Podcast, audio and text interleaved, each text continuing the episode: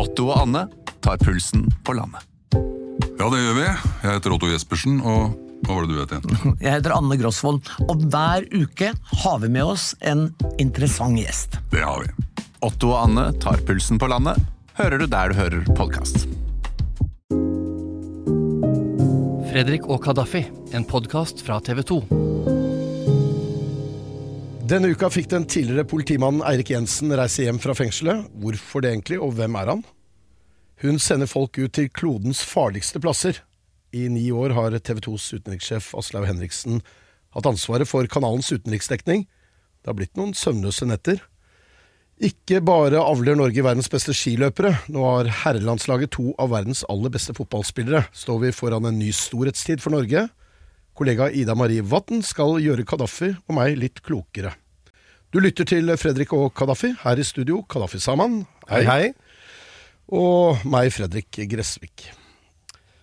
Du, jeg kan ikke kalle deg tjukk igjen, men Du sa det i stad. jeg sa det i sted jeg møtte deg. Men hvordan går det? Du, du, du lovet du det jo da lytterne for en uke siden at du skulle gå ned ti kilo på en måned. Da skal du være nede to og en halv kilo nå. Ja, vet du hva, jeg gikk altfor hardt ut. Eh, og det har vært en hard uke. Altså, det har vært mye jobbing. Både på nyhetene, opptak til eh, ny sesong av Norge bak fasaden. Vi har vært hos God morgen Norge, vi har vært på Morgenklubben, eh, vi har reklamert for podkasten vår. Men, men, men, men hvor mange kilo har du? Nei, det, det, det, det, grunnen til at jeg sier det, er jo at jeg har vært så busy. Jeg har liksom ikke Ikke liksom, men jeg har ikke fått trent. Og i går ble det veldig god pakistansk mat. Det ble biff i curry og noe som heter pakistansk pulao.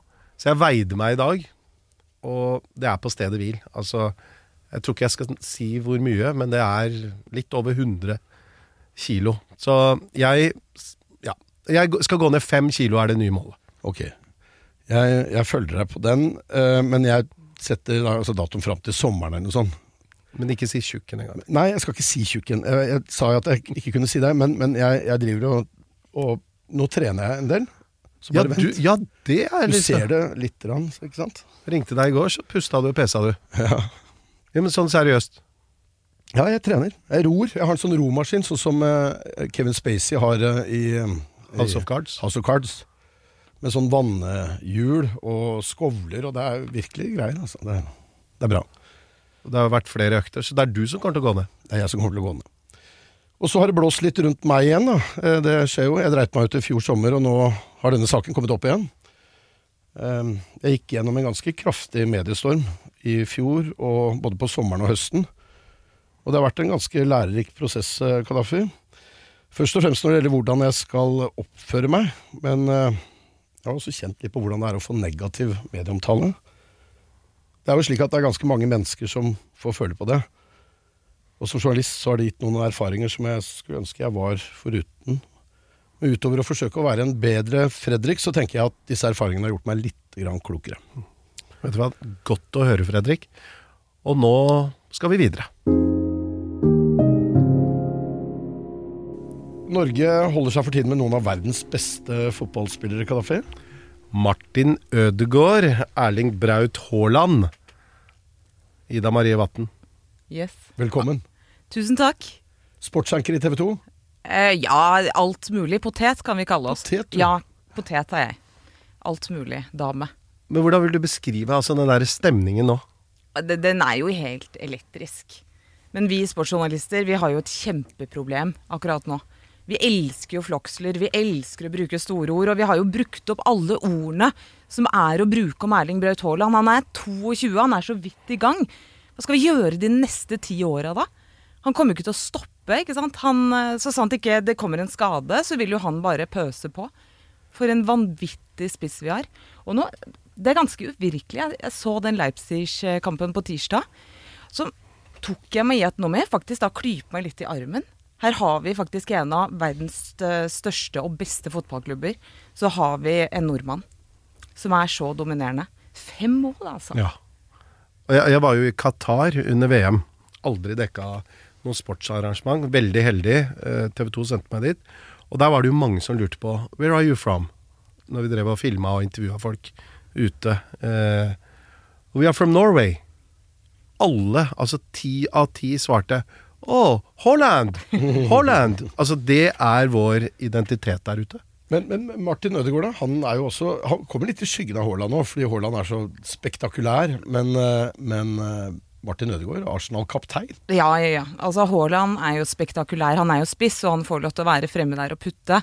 Det gjør jo for så vidt Ødegaard også, men den rollen han har i Arsenal, altså det er laget som suverent leder Premier League akkurat nå.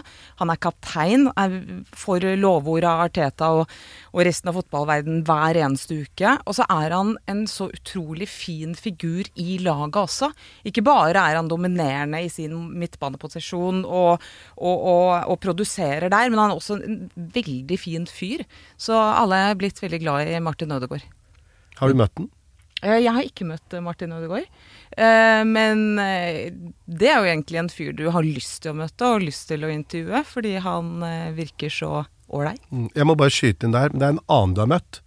David Beckham. Det begynner å bli en stund siden, da. Ja, fortell. Hvor skal jeg begynne? Nei, du må begynne fra starten. Ja. Ja, ikke sant. Eh, nei, men den, den historien er jo ganske gammel. Jeg husker jeg var jo fersk, eh, ny journalist. Eh, ivrig som jeg var. Og så fikk jeg dra til mitt første verdensmesterskap i fotball. Kjempestort. VM i 2006 i Tyskland. Og jeg skulle følge det engelske landslaget. Og jeg var jo litt ivrig, da, for at alle de engelske journalistene var jo litt sånn høflige og satt på de pressekonferansene og bare fikk de svarene de fikk der. Mens jeg stakk jo frem mikrofonen og spurte på vei ut. Og da var det jo faktisk en som stoppa titt og ofte. Det var David Beckham. Han er jo en veldig hyggelig fyr. Alltid veldig høflig med media og spør alltid hvordan det går, ikke sant. Og, og svarte. Og da begynner jo ikke sant, engelske medier å spekulere. Og så begynte de å lage saker da på den derre blonde dama fra Norge som eh, skulle ha de intervjuene. For jeg, jeg googla Når du googler Det må du ikke gjøre. Ida Marie Vatn, så kom jo masse historier om Beckham. Ja. Så det, det gikk rykter, altså? Eller noen Ja? Ja, i- ifølge engelske medier, og jeg vet Så- ikke hvor seriøst vi skal ta de. Men jeg ble jo veldig, veldig fortvila, for at jeg dro ned der og skulle være seriøs. Og på den tiden så var det jo ikke så veldig mange kvinnelige sportsjournalister på plass. Eh, nesten ingen. Eh, og om ikke vi hadde kommet langt i Norge, så hadde de i hvert fall ikke kommet langt i England. De henger jo i hvert fall ti år bak når det kommer til eh, kvinner i sportsjournalistikken, vil jeg si. Eh, så det var ikke så veldig mye respekt å spore heller. Så når du kom ned dit, og så var det eneste du ble sett på, var jo en sånn herre dolle da, som, som sto og venta på intervju fra Beckham, så ble jeg så sint. Så jeg, husker jeg, var, jeg var helt rasende. Så jeg husker Ernst Lersveen ringte meg. Og så, Legenden. Og så, legenden Ernst Lersveen ringte meg, og da var jeg helt på tuppa. Og da sier Ernst Ida, nå roer du ned, nå puster du med magen, og så ler du. Når, hvis når norske journalister ringer nå, så, så ler du. Så jeg husker at jeg ringte opp VG igjen, og så sier de hva, hva, hva tenker du om det som skjer nå? Med Beckham. Ja. Så jeg bare sånn ha-ha-ha, jeg bare ler av det. Så du ble kobla til han, altså? Det var noen som trodde dere var et par, eller at du i hvert fall forsøkte? Det ble i hvert fall spekulert i hvorfor jeg fikk så mange intervjuer. Men det var jo altså intervjuer, definer det. Det var ett minutts spørsmål. prat. Men- Og han var en høflig fyr som stoppa. Men hvordan var altså si kollegaer fra andre land, da? Altså kvinnelige sportsjournalister, og så kommer disse stjernene. Hvordan var det? Nei, det er jo det som er utfordringen, og spesielt på den tiden når ikke vi var så mange sportsjournalister eh, som var kvinner heller. Som vi sto da i intervjusonen etter kamp, så hadde du også noen av de som ikke var der for å snakke fotball, for å si det sånn.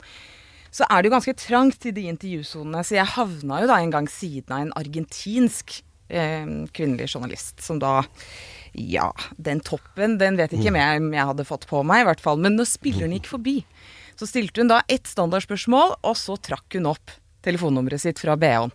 På en Og jeg tenkte, jeg fikk jo helt panikk. Altså står du siden av da, ikke sant. Og jeg bare, jeg vil ikke, jeg vil ikke relateres til det der, jeg vil ikke forbindes med det der. Men en gang så gikk jo, husker jeg Zlatan gikk jo forbi, da. Og så trakk hun jo opp nummeret og ga, ga til Zlatan. Så kom det inn i spillebussen, så satt jo en gjeng med svillere der, og da ringte jo Zlatan henne opp, vet du. Hun var jo helt euforisk i mix-zone, i intervjusonen um, der vi sto.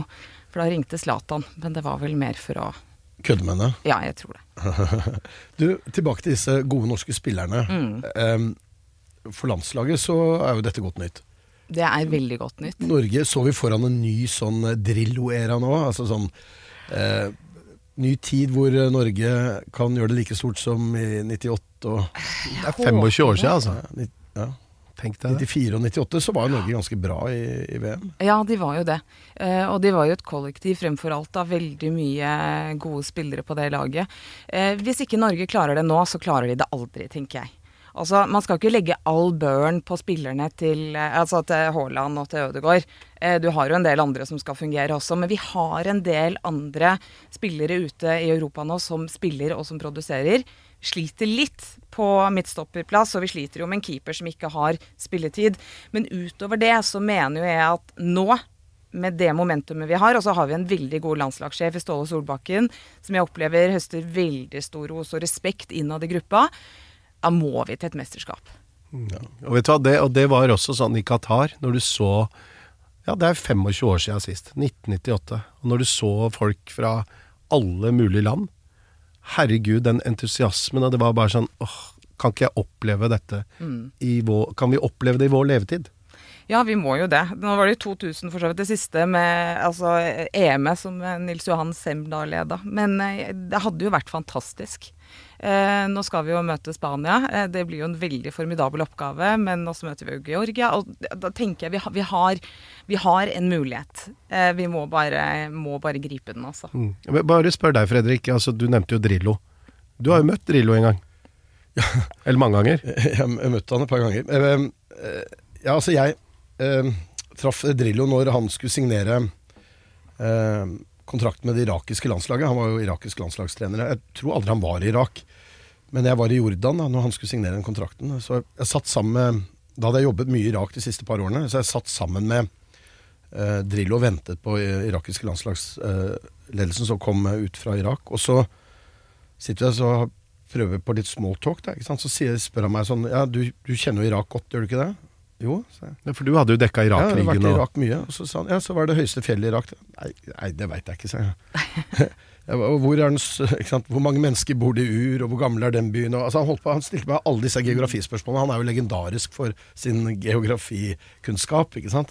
Jeg kunne ikke svare på noen ting, så jeg skjønte at jeg kjente ikke Irak i det hele tatt. omtrent. Jeg må bare si at eh, i 2007, da dro jo Irak med Drillo som eh, landslagssjef til Pakistan for å spille landskamp eh, i Lahore. Og da var jeg tilfeldigvis i Lahore og så Drillo. Eh, og jeg husker jeg har en annen kompis fra Norge vi, Da var det jo Altså, krigen i Irak var jo ikke over. Og det var jo sånn slagord 'Norge ut av Irak' og 'USA ut av Irak'. Så vi fikk eh, lagd et banner, sånn sju meter langt banner, på norsk. Eh, og som to stykker da holdt opp på dette svære stadion, Gaddafi Stadium. Som da Jeg er jo oppkalt etter eh, Muammar al-Gaddafi, eh, sånn seriøst. Og der, er, der står det på banneret 'Drillo ut av Irak'. Og så hadde vi så lyst til at noen norske pressefotografer skulle fange det opp. Skulle ta et bilde av det, men det var det jo ingen som gjorde. Men der var Drillo, og de vant 7-0 over Pakistan. Drillo er en legende. Jeg husker vi hadde veldig mange gode bilturer ned til Sarpsborg. eh, Da Sarpsborg 08 gjorde det stort i Europa. Ja, for du er fra. Sarpsborg? Jeg er fra Sarpsborg. Serping. Og da hadde jeg med meg ungene også, så de i baksetet så var jeg innom og henta Egil, eh, som jeg har lovet sønnen min å kalle han, for han heter faktisk ikke Drillo? han heter Egil. De blir godt kjent på de turene her. Og han er glad i fotball, eh, eldste sønnen min. Så de hadde en del eh, diskusjoner nedover. Men jeg ble også drilla, jeg også, i forhold til eh, høyde, innbyggertall. Eh, visste jo ikke det høyeste punktet i Sarpsborg, f.eks. Eh, det vet jeg nå. Det er gassgiveren. Eh, hvis Drillo hører på nå, så er den 216 meter. Eh, så, så det har jeg lært. Det er bra. Når er eh, neste store kamp som vi kan se fram til? Du sa Spania. Det er Spania-matchen. Eh, og det er jo litt morsomt, da, fordi at eh, spanjolene nå eh, Den er jo neste helg. Og spanjolene nå, de, det er jo EM-kvalik. Eh, de hadde jo en stor, stor nyhet når Norge hadde sitt laguttak nå. Haaland spiller. Bra. Vi, vi Så det er det, det, er det spanjolene sitter og venter på. De venter på Haaland. Men, Men du, sportsjournalister. Dere kan jo ta side Vi får jo ikke lov å Vi skal være så objektive hele tiden. Vi Mm. får liksom aldri lov å velge hvilken side vi skal stå på. Men, men dere kan ta side. Um, vi, vi, jo, jo, altså når landslaget spiller, så gjør vi jo det. Det må vi få lov til. Nei, men lykke til med dekninga, og så lykke til eh, til landslaget. Ja, vi Vi, heier. vi heier alt vi kan. Krysser fingra. Denne uka blei Eirik Jensen sluppet ut fra fengselet. Ikke frikjent, men overført til såkalt hjemmesoning. Hvorfor det, Kalaføy? Nei, det som er, er at um, kriminalomsorgen, det er de som bestemmer over de innsatte. Uh, og de mener at han er sjuk. Og hvis du er syk, så kan du ikke sitte i fengsel. Sånn er det. Og for hans del så betyr det som har skjedd, er at uh, han da kan være hjemme i første omgang i en periode på seks måneder. Og så vil kriminalomsorgen ta en ny vurdering med altså, helse som det viktigste, om han fortsatt skal være ute, eller om han skal inn, eller kanskje om han skal benådes. Så her er det mange forskjellige alternativer. Og det er jo ikke så mange som får dette. Det er jo det som gjør at det er mye oppmerksomhet, og at det er oppsiktsvekkende antall mennesker som får en sånn eh, soningsudyktig eh, kan du si erklæring. Det er ikke mange. Du har jo truffet Eirik Jensen, du har dekket denne saken. Ja, Hva slags fyr er han? Nei, jeg husker jo sånn på begynnelsen av 2000-tallet. Så dekka vi eh, mange av gjengene i Oslo. Det var på den tida hvor det var A-gjengen, B-gjengen, Young Guns. Det var gangstere som gikk rundt i Oslo med gullkjeder og pelskåper og senka BMW-er. Og, og det var krig. Altså, de skøyt på hverandre. Og mannen som fronta politiets innsats, som på mange måter var spydspissen, da, kan man si, i kampen mot organisert kriminalitet, det var Eirik Jensen. Så når vi dro for å intervjue han på politihuset i Oslo, så var det en sånn tøffing. Eh, satt ofte med beina på bordet, hestehale. Ja, har et annet image Ja ja, det var liksom ikke helt Wallander, på en måte. Eh, han var veldig sånn outspoken, og, var, og ble sett på som hard mot de harde. Og, og det var det som eh, vi lagde Jeg husker jeg intervjua han mange ganger om på en måte den innsatsen de gjorde opp mot disse gjengmiljøene. Og han skulle jo knuse gjengene. Og så, i 2014, plutselig, helt ut av det blå, så kommer det jo overskrifter. Politimann sikta. Først korrupsjon, så narkotikasmugling. Og det tok jo noen år, altså fra 2014 så ble han tatt, og først i 2020 så ble han da dømt til 21 års fengsel. Det er streng straff. Ja, det er jo lovens strengeste straff. Er ikke det rart for den type kriminalitet? Nei, altså nå dekka jo alle rettssakene eh, mot han. Eh, fulgte de. Og der mener jo politiet, eller påtalemyndigheten, at det var mange, mange bevis, det man kaller indisier. Og summa summarum gjorde jo at domstolen dømte han. Eh, og jeg husker at vi snakka med en del folk som jubla. Det var noen kriminelle i byen som feira med kake når Eirik Jensen ble dømt. Men så hadde du også de kriminelle som, som ikke feira, som syntes at han var en verdig motstander. Jeg husker snakka med noen som var Ja, men Eirik Jensen var Han backa ikke unna, og det likte de. Det var litt sånn rart å høre at kjeltringer også på en måte kunne respektere politifolk. Så han eh, Det var nok litt sånn delte oppfatninger blant de kriminelle. Men så havna han jo i fengsel, og har vært der nå da i ja, to og et halvt år. Og Eller altså etter dom, da. Endelig dom. Og blitt løslatt. Så det blir interessant å se. Jeg har også besøkt han i fengsel. Jeg husker jeg var i 2020 i Kongsvinger fengsel, og det var en mann med tårer i øynene, men som sa at han ikke Ja, For han hevder at han er uskyldig. Han hevder han er uskyldig, eh, til tross for disse dommene, og mener at han skal kjempe for å få navnet sitt renvaska. Og, og fortalte at han eh, ja, brukte all tid nå på å prøve å få gjenopptatt eh, saken. Men det er jo ikke sant, det er Norge, og, og vi er jo ikke vant til sånne korrupte politihistorier. Det er noe som vi liksom tror skjer i resten av verden. Så det er nok også årsaken til at saken har fått så mye oppmerksomhet. Hvor lenge eh, er det han kan være hjemme nå? Nei, første omgang seks måneder. Og så blir det en ny runde. Og da er det kriminalomsorgen som bestemmer. Og da det, kan de av helsemessige årsaker bestemme seg for å utvide dette? Ja, det kan de. Så vi vet jo ikke, og det er klart eh, Nå er han syk, og da Ja, det er, og det er jo privat og personvern og mange hensyn. Straks skal vi møte en kvinne som sender kolleger til fronten der det kriges. Aslaug Henriksen.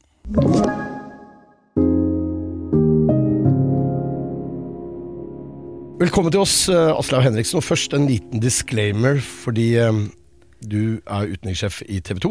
Jeg har jobbet på den avdelingen i 29 år, så du har vært sjefen min i Ni. hvor mange år? Ni år? Ni, ja. Oi.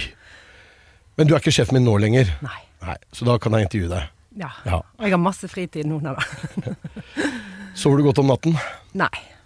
Nei. Fordi Jeg syns verden er mm, et vanskelig og fint sted, må jeg jo legge til. Men eh, det å sende folk i eh, krigen syns jeg er vanskelig.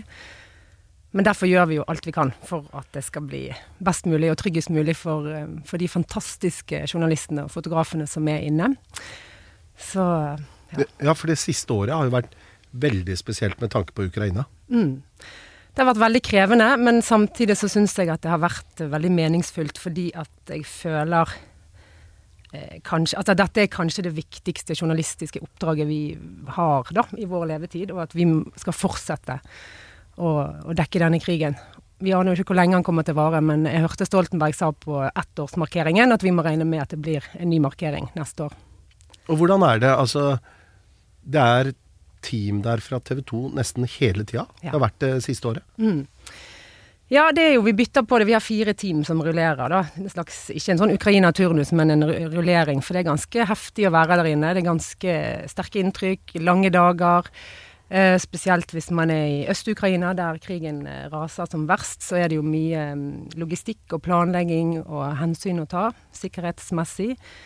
Eh, så det er fint å bytte på det. Um, og så um, er vi jo helt avhengig av Altså jeg vet ikke helt, men altså, Dette kjenner jo dere til, Kadafi og Fredrik, men vi er jo helt avhengig av gode hjelpere i landet, altså såkalte fiksere. Da har vi eh, eh, Sasha, som han heter, som vi er veldig veldig glad i, og som hjelper oss med alt fra tolk og sjåfør og fikseavtaler, og han snakker både russisk og ukrainsk, og som hjelper oss til å komme på, på plass og få de rette tillatelsene, bl.a.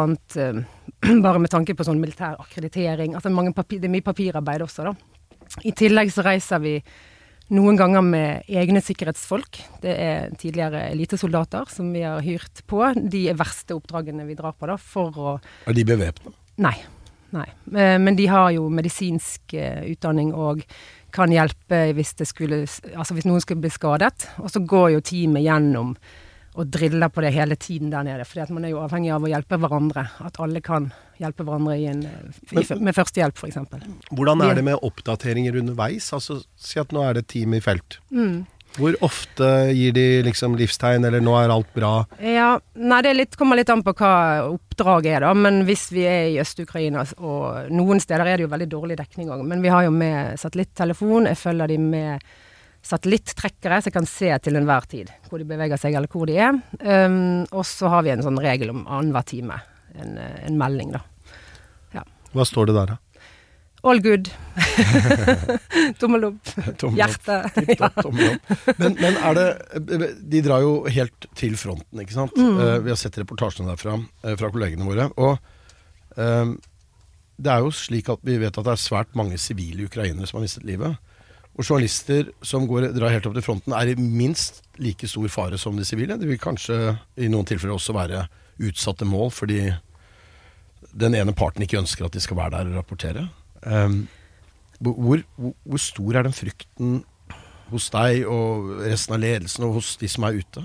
Um, nei, altså vi Hva kan jeg si? Jeg føler vi um, Det er ikke sånn at vi nødvendigvis må være helt i front. Vi kan ikke stå akkurat der som uh, det verste krigen foregår. Men vi uh, Jeg føler jo det, det er vel så viktig, og kanskje viktigst, å fortelle historiene til de menneskene som, som blir skadelidende i denne krigen. Og det, det trenger ikke du reise helt til fronten for å gjøre. Men noen ganger syns jeg det er også viktig å komme litt tett på, fordi at i en verden med mye eh, propaganda og desinformasjon, så må vi av og til bare vise at den krigen raser fortsatt i Øst-Ukraina. Vi har sett det med våre egne øyne. Vi har dokumentert det med vårt eget kamera.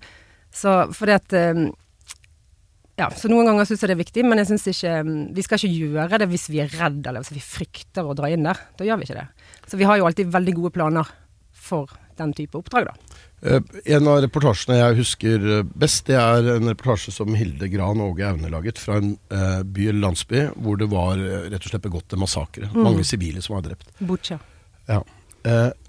Det, de inntrykkene som teamet der ute får, Mm. kan du si litt om hvordan de blir bearbeidet? En ting er hva de gjør på bakken der, men hvordan blir det tatt videre? Vi har em, en debrief, en sånn obligatorisk debrief med meg. Eh, og jeg er ikke noe eh, trent sånn sett i Nei, men du er fin å snakke med, da. Ja. Jeg har gjort det noen ganger, skjønner du. jeg, har, jeg har fått liksom kurs da i sånn hvordan debrife, men det som er, er, er viktig, er at det tilbudet om å snakke med noen som eh, Altså en psykolog etterpå, det står jo ved lag fra herfra til evigheten i, i TV 2. Og jeg anbefaler veldig mange ofte og å snakke med de. og noen ganger så beordrer jeg, eller sier at det må de gjøre. Jeg har vært utsatt for både det ene og det Ja. andre. Du prøvde å beordre meg en gang òg. Ja. Det var godt, skjønner du, Kadafi, å ha en samtale med noen som uh, hjelper deg litt videre her i livet. Og så, i, av og til så er det godt bare å få høre at uh, ja, men de reaksjonene, de er helt vanlige. Ikke sant? Det er, jeg har slitt med litt sånn søvnproblemer etter et par turer. Og da har psykologen sagt at det er helt greit, det. Det er, liksom, det er ikke noe rart, det. Du vet jo hvorfor, ikke sant. Du våkner av en eksplosjon midt på natten når du ligger hjemme i senga di. Eh, Så, så tar det av og til litt tid før du klarer å lande. Så. Jeg Men, det. ja, men, men du er jo veldig bra. Altså, vi, du er jo ikke sjefen min, men når jeg har vært og reist, så har du vært sjefen min. Og i 2018 så var jeg i Pakistan, og rett før en livesending på nyhetskanalen, så ble banka opp av politiet og fikk knust ribbeina. Og dratt med inn i en celle i bar overkropp. Dette var 2018 i, i, i Pakistan. Pakistan. Og da husker jeg på en måte Det var vel sånn min første erfaring med deg, da, som, som sjef, hvor du sitter på cella og vet ingenting. Eh, du har det fysisk vondt, psykisk vondt, er kjemperedd. Hva skjer nå? Hvor lenge kommer jeg til å bli sittende? Og først når jeg kom ut, tre døgn etterpå, eller egentlig når jeg kom til Norge, så fikk jeg se en logg, eh, TV 2-logg, eh, som da du var en viktig del av. Krisestab. Og masse detaljer, og hvor mye arbeid som på en måte lå bak, og hvor mange mennesker som var i sving, eh, for å på en måte finne ut av hva som hadde skjedd med meg. Og jeg husker når vi ringtes og møttes, jeg hadde jo denne debrifen i Oslo, og det var ja, Det er jeg veldig takknemlig for. ja, det var veldig spesielt da. Vi var jo veldig redd for deg, Kadafi. Um, Men gikk dere lenge uten å vite noe? Um, altså, vi, eh, vi fikk vite at du var banket og fengslet, eh, og så begynner jo jobben da. Ok, hvor, hvilket fengsel sitter han i? I- hvem er han med? Er han, for, dette var jo en, en tur som meg og deg har snakket om i ettertid kunne vært bedre planlagt. Ja. Um, så, så vi Da begynner liksom hele denne Du må samle inn masse, så mye informasjon du kan, og der fikk jeg jo mye hjelp fra eh, familien din, eh, som jeg ble veldig glad i også i hele prosessen. Um, og så fant vi ut hvilket fengsel du satt i, og så var det jo om å gjøre å få et livstegn fra deg, eller få kontakt med deg. Sant? Hvordan har du det? Og så i løpet av en eller annen, noen timer der, så ble du flyttet til et annet fengsel. Så, og da fikk vi, ja, måtte finne ut hvilket fengsel det var. Og så var det jo det å, å få et livstegn fra deg var i hvert fall pri én for meg, da. Og da fikk vi eh, via noen slektninger av deg eh, at han gikk inn med et ark som du kunne skrive til meg på, da. Eh, og, og det var ganske Jeg fant det ark, eller fant det brev, for da tok han bilde av det. Og han snakket ikke så mye norsk eller engelsk. Han tok bilde av det og sendte det til meg, og der hadde du skrevet på norsk. Og det var bare sånn Ja, det var veldig fint, da. Eh, og så tenkte jeg Vil Kadafi at vi skal publisere denne teksten sånn som jeg kjenner han, så tror jeg, hvis jeg hadde spurt deg Kadafi, vil du vi skal publisere dette, så tror jeg du hadde svart ja, gjør det. Så var vi enige om det, da. Fort som F. Men ja. Men, men du må nesten fortelle hvorfor du ble banka opp og Ja. putta i fengsel. For du Nei. hadde jo ikke gjort noe gærent. Nei, greia var at uh, i Pakistan så er det jo sånn at uh, myndighetene, spesielt de militære myndighetene, kan plutselig beordre en media-blackout. Det vil si at de kan beordre pakistansk presse, eller all presse i landet, til å si at dette skal dere ikke vise Verken på TV eller sosiale medier. Det skjer akkurat nå, as we speak. Nå er det politisk drama der, hvor prestene har fått instruks om å ikke lage saker på tidligere statsminister Imran Khan, eh, som politiet nå forsøker å arrestere. Det er brannbomber, det er ganske mye drama. Og da følger de fleste det. Det er ikke som i Norge. Dette er ikke Altså, pressefriheten står ikke høyt i kurs. Så det samme skjedde i 2018. Da hadde det gått en instruks. Jeg fulgte ikke den. Jeg tenkte det var viktig å vise det som skjer på bakken, nemlig det var et politisk drama. Opptøyer.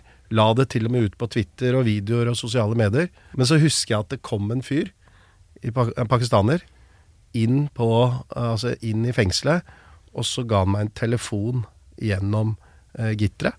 Det var vel på dag to, tror jeg. Og, og da hører jeg en norsk stemme. Hei, er det Kadafi Saman? Eh, ja. Det var en mobiltelefon, og så Ja, hei, du, det er fra UD. Eh, samtykker du til at på, Vil du ha hjelp? Bistand? Eh, ja. Takk. Og det jeg ikke visste før jeg slapp ut, var jo at det også var jo en prosess hvor Aslaug Altså, det er ikke bare bare å be norske myndigheter om å dra dit, fordi jeg må si ja til det. Mm, du må ønske det. ja. Du, du vil det selv. Og det var en Jeg prøvde å si, men det vet jeg at han ønsker. Ja, det hjelper ikke. Du, han må si det sjøl. Ja.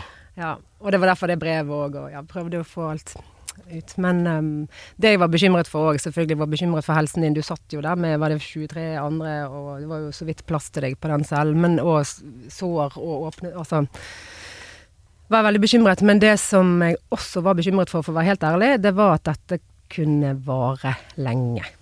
Og pågå i flere år. Altså, at ikke vi skulle få deg ut. Flere år. Ja, jeg var redd for det. Og jeg, jeg prøvde å si det til uh, krisestaben, at vi må forberede oss på det verste scenarioet her, at dette kan ta lang tid. French Moland. Ja, så må vi jo jobbe for at det skal gå fortest mulig, men ja. Mm. Jeg ser ut som en pakistaner, men jeg er jo ikke det der. Du gjør det. Jeg er jo nordmann. det hjelper ikke å si. Men jeg har sett deg for juling uh, før. Altså stått og sett på at du blitt banka opp, rett og slett. Eller blitt forsøkt banka opp. Ja. uh, det var i Kairo i 2011 under den arabiske våren. Da sto jeg oppe på hotellterrassen min, og så kommer du og fotograf Åge Aune gående mot hotellet. Uh, og så plutselig er dere omringet av De hadde jo sluppet ut Altså president Hosni Mubarak som styrte den gangen. Det var opptøyer i byen. Folk som ville ha han vekk. Så han slapp ut masse fanger. Og så slapp han ut etterretningstjenesten sivilt. Og de hadde oppdrag å drive og banke opp journalister. Så ser vi plutselig at det er 10-20 mann som bare går rett på dere to.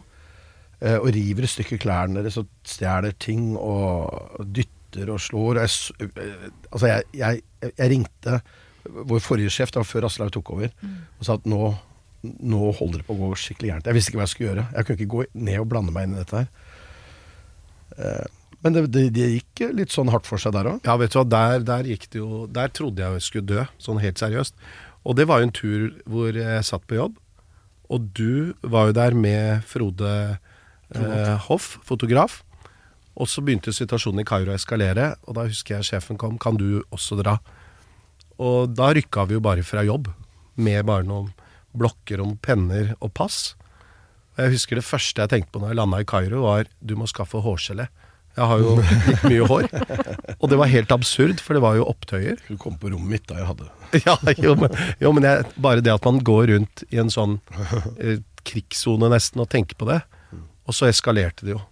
Og dette var vel på dag to eller tre, når eh, disse tilhengerne til Hosni Mubarak slo ned på pressefolk. Og det, jeg mener det var mer enn 40 journalister og fotografer som ble angrepet den dagen. Noen fikk jo skikkelig juling. Eh, og jeg og Åge Aune ble dratt under en bro. Og da tenkte jeg, vet du hva, nå, nå er det slutt. Nå må du liksom slåss for livet. Og heldigvis så gikk det jo greit, men de sletta jo alle opptakene våre. Og målet var jo å skremme pressen ut av landet for at de ikke skulle rapportere. Men det skjedde jo ikke, for vi Vi evakuerte jo etter hvert til en tryggere del av byen. Eh, sammen med masse andre pressefolk. Da var jeg redd, altså. Ja. Men hvordan kom du deg ut, da? Fra den broen? Vekk? Nei, altså det som skjedde var at eh, det var to soldater som kom bort. Og da vifta vi med det norske passet. Norwegian, Norway, Norway. Og de tok over på en måte, de tok kontrollen. Og basen til etterretningstjenesten, det egyptiske, var inne på Kairo-museet. Det også var veldig spesielt. Og der ble vi beordra liksom Du må slette alt. De hadde jo robba oss for liksom alle verdisaker, men det de var ute etter, var de opptakene til Åge Aune, som viste hvordan de, de hadde behandla eh, egyptere som protesterte. Eh, det var mange mennesker som hadde mista livet, blitt skada.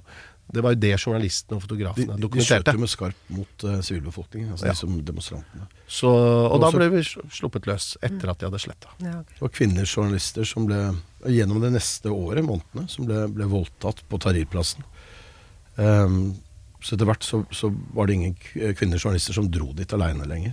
Det var, eh, det var et farlig sted, og med masse folk som ja, Mange kjeltringer også, bare. Som bare var der for å utnytte situasjonen. Men Aslak, det er jo ikke så lenge siden han Fredrik også måtte evakueres. Nei, det var jo um, Å, hjelp meg. Kabul. Eh, 2021. 2021, ja. Um, ja, Jeg, jeg landa tre timer Altså, Ja. jeg skulle på en tur før, ja, du- før amerikanerne skulle trekke seg ut. Ja. Og så landa jeg tre timer før, eh, før du ringte meg og sa at noe hadde skjedd. Ja, fordi vi, vi hadde jo planlagt en Afghanistan-tur. Altså Fredrik var jo fem år i USA, eh, og så planla vi en Afghanistan-tur før amerikanerne skulle trekke seg ut. Og så husker vi frem Eller husker ikke helt. Jeg husker ikke helt alle detaljene, men i hvert fall følte jeg at nå må vi dra. Uh, og så lander du, og så sier du jeg skal bare sove to timer, og så, så er jeg klar for å jobbe. Og så går det, jeg vet ikke jeg. En time. Jeg var dritirritert på deg når du ringte meg. Etter, jeg sa- ba om to timer fri. Jeg hadde fløyet i to netter på rad. Er det mulig å få litt fred, liksom? Nei da. Nei. Hva sa du da? Husker du hva Wake up! Husker jeg sa eh, Taliban har inntatt byen. Ja. Og du bare 'hæ, la meg få sove en time til'. Nei, det er sant, kom deg opp. Her må vi legge en god plan. Sa du det en time til?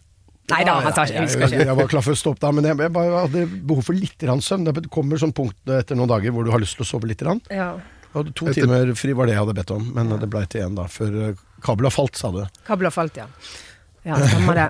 Ja, det var en heftig, et heftig døgn. Det, men jeg tror du var kanskje det, et av de siste flyene som fikk lov å lande i Jeg var med da. det siste Ja. sivile flyet inn, så jeg hadde jo sånn sett flaks eller uflaks, alt ettersom Ja, ja. hvordan man ser på det. Eh, Det var jo riktig sted å være til riktig Ja, ja. tid, men Mm. eh, så blei det jo kamper, blant annet på mitt hotell så var det kamper da for sikkerhets skyld. De varte i nesten 20 timer. Mm. Med en god del skyting, og Taliban begynte å kravle over muren til hotellet, og, vaktene skjøt på dem. Så, eh, så, så ble det jo bestemt da, at vi skulle evakuere, fordi vi skjønte jo at flytrafikken ville stanse, og det ble, kunne bli vanskelig å komme seg ut. Og vi visste jo ikke hvordan Taliban ville behandle vestlige journalister. Ettertid så så vi at det gikk eh, ganske bra. Ja. Men, men eh, så begynte den jobben med evakuering. Eh, og hvem var det du kontakta da?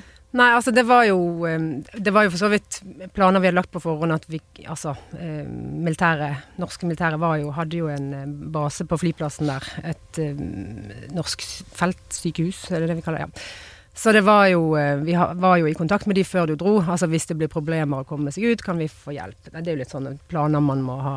Backup-planer. Så da, for å si det sånn, da gikk vi jo rett til den backup-planen da, og snakket med de. Men det som var problemet Ja, du var velkommen til å komme inn i den norske delen av flyplassen, eh, men du måtte komme deg dit på egen hånd. Ja, altså jeg, jeg fikk jo ordre om å altså, bare, bare dra dit.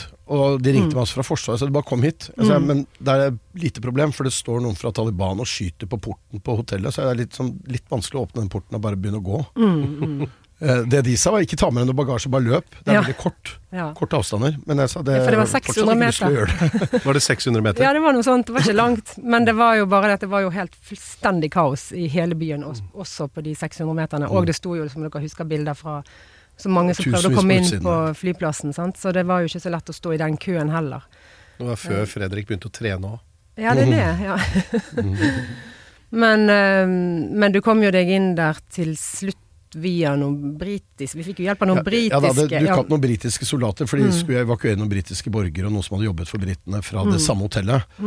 Eh, og Da spurte jeg bare om jeg kunne få sitte på med de. Eh, og så lenge jeg ikke ser ut som eh, en lokal, så var det greit. Det var rett inn i bilen og så, med bagasjen, og så slapp de meg av bare foran inngangen til det norske feltsykehuset. De skjønte jo ikke hvordan jeg var kommet inn i den der ganske godt bevokta leiren. som en- Men jeg kom nå inn der, og så, så satt jeg der et par dager før eh, før vi fikk eh, transport ut, ble vi fløyet med et militærfly til Georgia, og så eh, derfra hjem til Norge. Og så er det sånn at man altså Dette veit jo du også fra da du ble arrestert, og fra Kairo. Du, du drar ikke ut for å bli storyen selv, men så skjer det likevel, da. Ikke sant? Jeg husker jeg landet på Gardermoen, Så åpner jeg nettavisene, så sto det på en sånn overskrift på alle sammen 'Fly med Gressvik har landet'. Og så var det jo masse afghanere der også. Som, Det var jo egentlig de som var evakuert. Vi hadde jo bare slengt oss med på denne, Ja, du og Yama, Ole ja, på denne evakueringsprosessen. Ja, Yama Wolasmal fra, fra NRK også. Ja, for det, det syns jeg også var veldig rart. Det å bli, altså At det er fokus på journalisten. Eh, og det tenkte jeg på masse i ettertid, at de pakistanske journalistene som ble fengsla og banka opp, mange av de sitter kanskje fortsatt. De har jo ikke noe eh, TV 2-sjef eller UD eller backup-planer og kommer ut. Eh, og det, er, det var veldig uvant. Altså den massive, eller massive nyhetstrøkket, da. Som sikkert bidro til å legge press på pakistanske myndigheter, men ja, det er jo det er jo, det, det er jo de der nede som bor der, som på en måte må stå i det. Altså, det har jo gått bra så langt. Bank i bordet, ikke sant. Man, du har ikke mista noen i felt, men det har vært close noen ganger. Ja, altså det var en, eh, en episode i Var det Mosul, Fredrik? I eh, Utkanten av Mosul, eh, utkanten av Mosul, 2016. Ja. 2016, Irak. Da var, mm, da var Fredrik og, og Aune på plass, for, og det var midt i en live-rapport. Og akkurat den det var en, Jeg var i hvert fall den helgen så hadde jeg vikar for å være uten, noen som var utenrikssjef for meg. Og da var, For jeg var i Amsterdam på The Cure-konsert. Så- Sender meg i krigen, og så går du på Cure-konsert i Amsterdam. Nei, Du verden. Men vi hadde jo planer for hva dere skulle den helgen, og, og mm, vikar eh, Bjarte da, Tretnes skulle mm, ha kontakt med dere. Um, og så mm, ble jeg oppringt, og det, jeg tror det var mandag morgen hvis jeg ikke husker feil, eh, at dere, dere hadde blitt beskutt under en live, men at det gikk bra med dere. Så det var jo Og det var dagen etter konserten. da. Ja, ja. Nei, det, det var altså IS som eh, Jeg står og Altså, jeg har jo opplevd at kulene har kommet ganske nærme før, men det er jo sjelden det skjer på Denne ene gangen skjedde det på direkten, da. Eh, så det er ikke noe mer skremmende for meg enn det har vært ellers. Og eh, jeg hørte at kulene gikk veldig nærme. Det ikke jeg så, men som TV-seerne så, det var at det slo masse kuler ned i, i sanden rett ved siden av foten min. Eh, jeg trodde vi var på god avstand fra fronten. Altså, at vi, jeg følte at jeg hadde kontroll på det, men det som hadde skjedd, var at IS hadde lagt igjen sånne Altså De la igjen snipere, eller snikskyttere, som lå i minaretene rundt der, for å angripe etter at fronten var rykket framover. Så de skulle angripe primært irakiske soldater, da, men, men uh, i dette tilfellet så skjøt de på meg og, eller etter meg og Åge, og det var, det var veldig nære. Det, det var, vi snakker om en meter eller to, men, øh, men øh, vi, hadde en skuddsikker bil, så vi fortsatte bare liven bak den. Så det gikk fint. Men hva gjør utenrikssjefen da, når hun hører det? Nei, altså da er det jo i gang. Bråvåkner. Akkurat, akkurat det var, var jo jeg et litt feil sted, da. Men, eh, men det var mm, Da er jo den krisestaben full. Altså, da trykker vi på den røde knappen, og hvordan kan vi hjelpe? Og, jeg vet ikke hvordan du opplevde det den gangen. Nei, poen- poenget er jo det at jeg eh, Jeg så jo ikke de bildene før vi kom tilbake på hotellet. Så jeg skjønte at det var nære, men jeg skjønte ikke hvor nære det var. Så jeg var ikke redd. Jeg rakk ikke å bli redd før jeg var i sikkerhet. Eh, så jeg, jeg, det ble litt sånn mye mas utover dagen med sjefer som skulle forsikre seg om at jeg hadde det bra. Men det er innmari hyggelig, for du skjønner jo at det er folk som bryr seg, og at du blir godt ivaretatt. Det, det trenger man når man er ute, eh, og det veit jo de som jobber under deg nå også. Det veit jeg. Jeg snakker med noen av de. Hva tenker du om Ukraina framover nå, da? Og dekningen? Um, jeg tenker det er veldig viktig at vi fortsetter å holde trykket oppe der. Um, og jeg vet ikke helt Det er jo ingen som vet hvordan denne krigen utvikler seg, da. Men, um, men uh, vi ser jo en mobilisering på begge sider, så jeg tror ikke det kommer til å bli slutt med det første. Det kan jo uh, bety at det, det vil bli enda tøffere å, å, å oppholde seg der i tida Mm. framover. Ja. Mm, ja. Men du, all ære til deg og våre fantastiske kolleger som gjør dette. Jeg er glad jeg slipper øh, å dekke med krig, egentlig. Um, Du vil jo ikke det. jeg vil ikke Jeg syns det har blitt for mye. Eh, Mm. Så Det er også en veldig god erkjennelse å komme fram til etter 30 år. Det tok det cirka. Men, men, uh, men jeg tenker at alt til sin tid. Uh, Nå vil jeg heller være her sammen med dere. Dette er jo liksom toppen av det jeg kan gjøre, føler jeg. Men kan jeg bare spørre, altså når krigen brøt ut, og underveis, har det ikke rykka litt i det hele tatt? Ikke i det hele tatt. Når den brøt ut, så var jeg fortsatt USA-korrespondent, så da dekka jeg jo på en måte krigen med det amerikanske perspektivet. Men eh, det har, jeg, har fakt jeg sa til Aslaug at jeg kunne reise når jeg kom hjem, men jeg har egentlig ikke hatt lyst. Jeg har ikke, og jeg er så glad for å se hvor flinke Jeg trodde ikke det gikk an å dekke en krig uten at jeg var med. Men jeg ser jo nå at det er utrolig Det går helt fint, for kolleger. Det er så mange dyktige folk der. Eh, Så det er jo ingen som er helt avhengig av meg, heldigvis.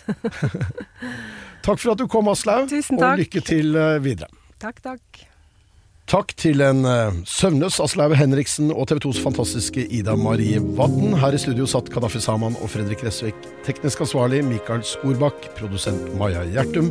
Redaktør Karianne Solbrekke. Vi høres om en uke.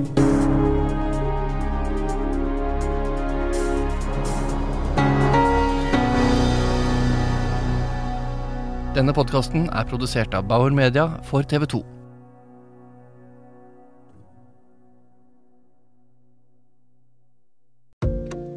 Et godt råd fra Apotek 1.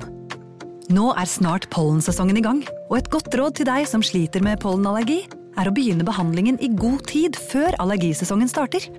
Da får du nemlig enda bedre effekt av legemidlene, og så blir ikke våren din helt ødelagt. Kom innom og få råd på ditt nærmeste Apotek 1, eller chat med oss på apotek1.no. Apotek 1 vår kunnskap, din trygghet.